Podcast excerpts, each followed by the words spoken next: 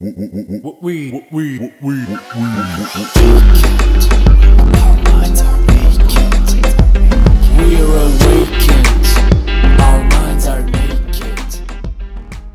svima, ja sam Martina Đokić, a vi slušate podcast Mentalni nudista. Nalazimo se u epizodi broj 43, sezone 2. I u ovoj epizodi govorit ću malo o iseljenju odnosa sa porodicom, prvashodno sa roditeljima, ali ovo roditelji možete da zamijenite e, imenicom nekoga ko vas je odgojio, bilo to tetka, baka, kogod, ali evo reći ćemo roditelji, da znate da to simboliše ljude koji su nas odgojili,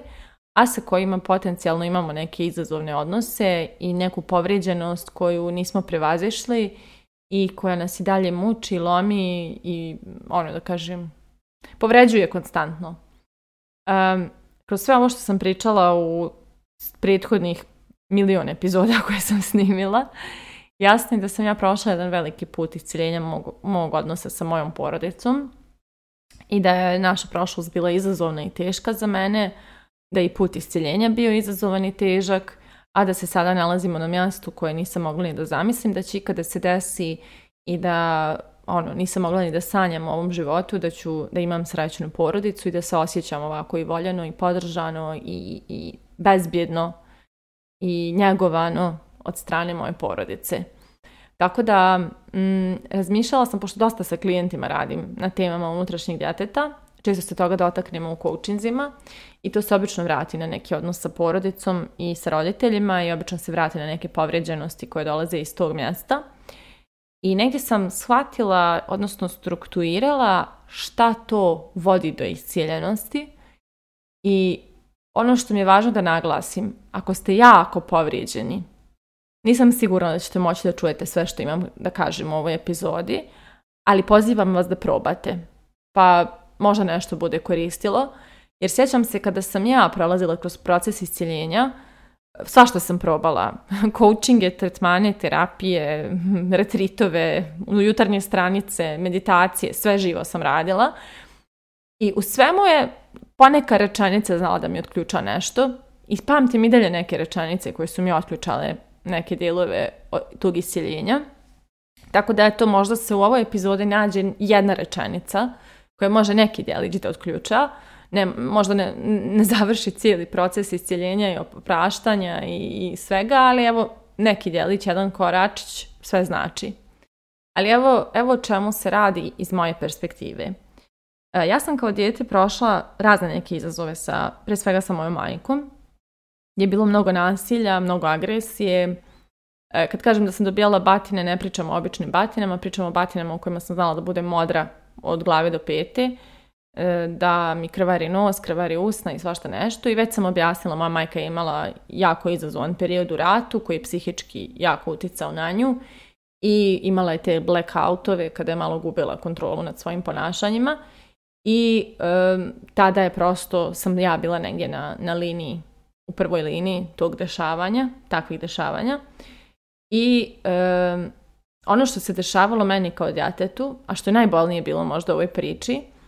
što nikad jedna odrasla osoba nije došla da mi kaže da nije u redu to što mi se dešava.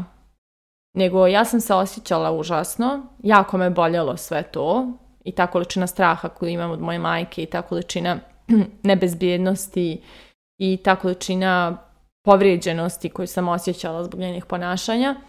Sve je to bilo jako bolno, ali kao dijete sam gledala u odrasle i čekala da mi neko objasni šta se dešava nadajući se da će neko nekad doći i reći u pravo si što se osjećaš tako loše, ovo je stvarno loše što ti se dešava. Međutim, nikad niko nije došao, jer naši ljudi se ne miješaju u takve stvari, iako je mnogo ljudi to znalo. I onda eh, je meni negdje dugo ostajala sumnja u meni da možda ja nisam nešto dobro tu procijenila i da možda je u meni problem. I to je ono što često srećem kod mnogo klijenata, kao da nisu 100% sigurni da da je to što se desilo stvarno bilo tako strašno i da su oni možda nešto tu preoveličali ili pogrešno skontali ili kako god, ali da, da, da je, u to, da je u njima problem. I ja sam dugo imala to dovođenje u pitanje svojih emocija, svojih razmišljanja, jer eto tako nešto strašno, jasno, očigledno što se dešavalo i što su mnogi vidjeli i čuli, nikad niko nije, da kažem, stao u kraj tome ili meni objasnio da nije u redu da ja kroz to prolazim. I ja sam odrasla u toj realnosti gdje mnogo odraslih to zna i pušta da se to dešava i to je to, kao to je normalno. I mnogo je u meni bilo i bijesa i tuge i agresije i ljutnje i mržnje i svih ono najcrnjih emocija koje postoje. I tek sad iz ove perspektive kada sam sve to iščistila i iscijelila, ja vidim koliko sam ja težinu nosila u sebi – a kada nosimo toliki mrak, jako je teško koračati naprijed. Znači svaki korak je toliko težak jer mi u sebi nosimo toliko ne, neproživljenih emocija do kraja,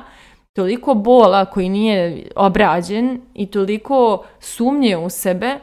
da je sve prekomplikovano, svaki korak ka budućnosti. I ja sam se klimala dugo u, tim svojim emocijama, jer uvijek, još pogotovo kad čovjek odraste i krene da se bavi sobom, onda počne malo i da razumije te roditelje, pa onda tu negdje se klima između toga da li da im oprosti, kako da im oprosti, ali opet s druge strane je povrijeđen i tako dalje.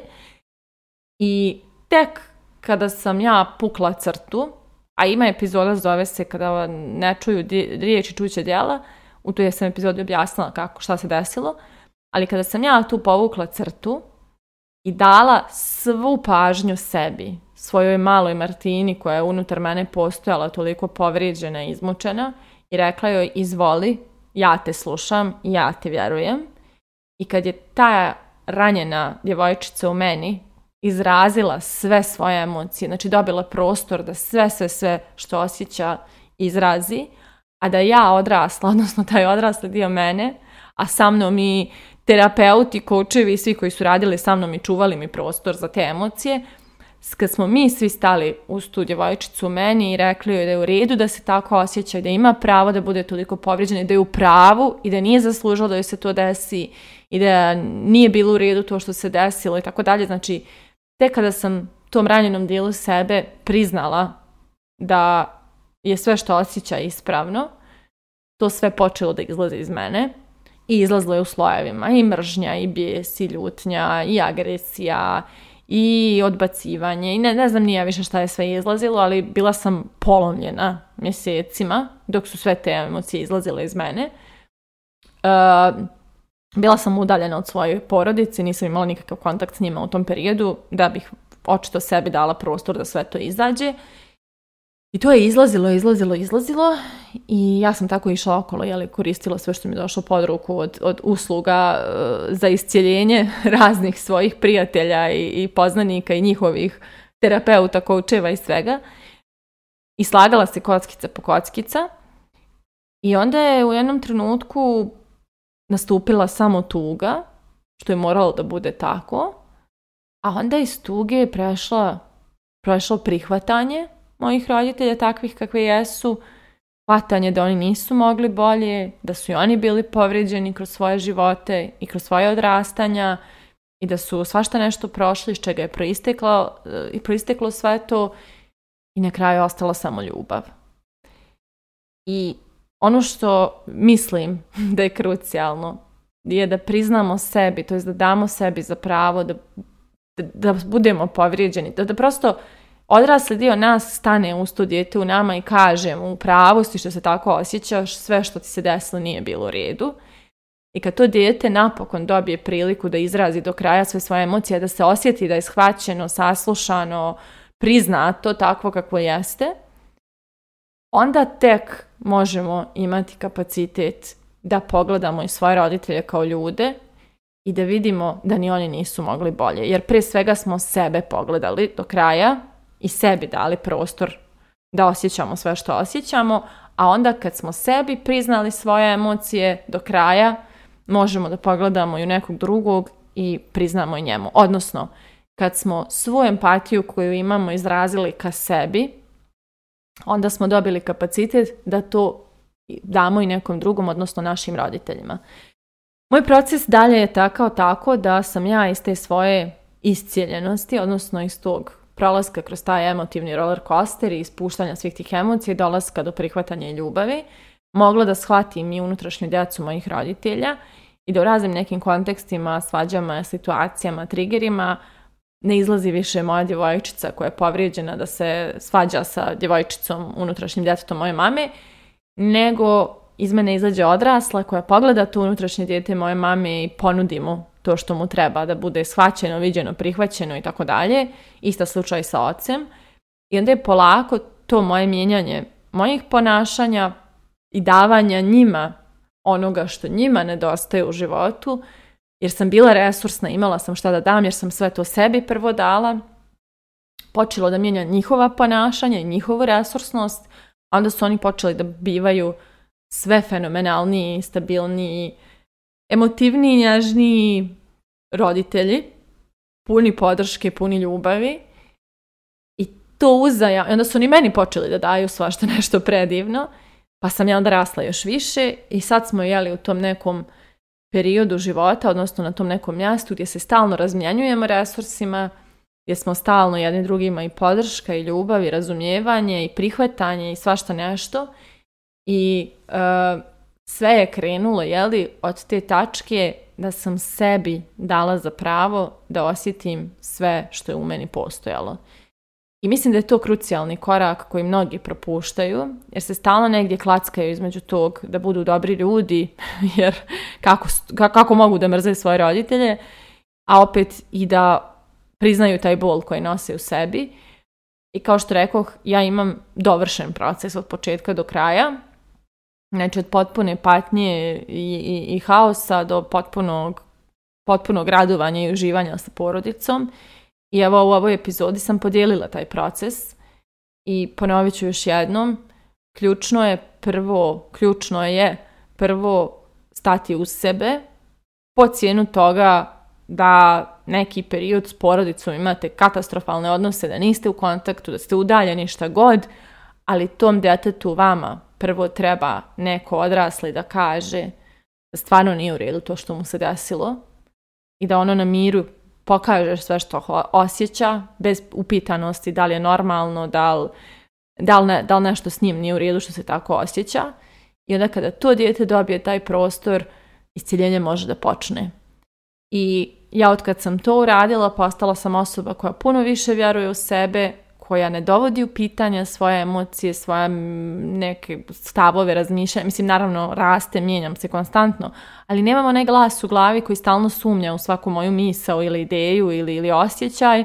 nego sam sad sigurna u sebe zato što sam sjasna da sve što sam od malena osjećala i mislila je bilo ispravno. Nije bilo ni pretjerano, ni, ni dramatično, ni ne znam nija šta sam sve mislila o sebi, bilo je potpuno ispravno pa što ne bi bilo i sada kada sam ovoliko da kažem, i porasla i radila na sebi i postala emocionalno inteligentna i tako dalje. Tako da moje pitanje za kraj ove epizode, za vas koji nosite u sebi tu neku povrijeđenost, jeste da li ste sebi dali prostor da osjetite sve što vas boli od malena ili tek treba taj prostor sebi da date. Mislite o tome, a mi se družimo u narednoj epizodi.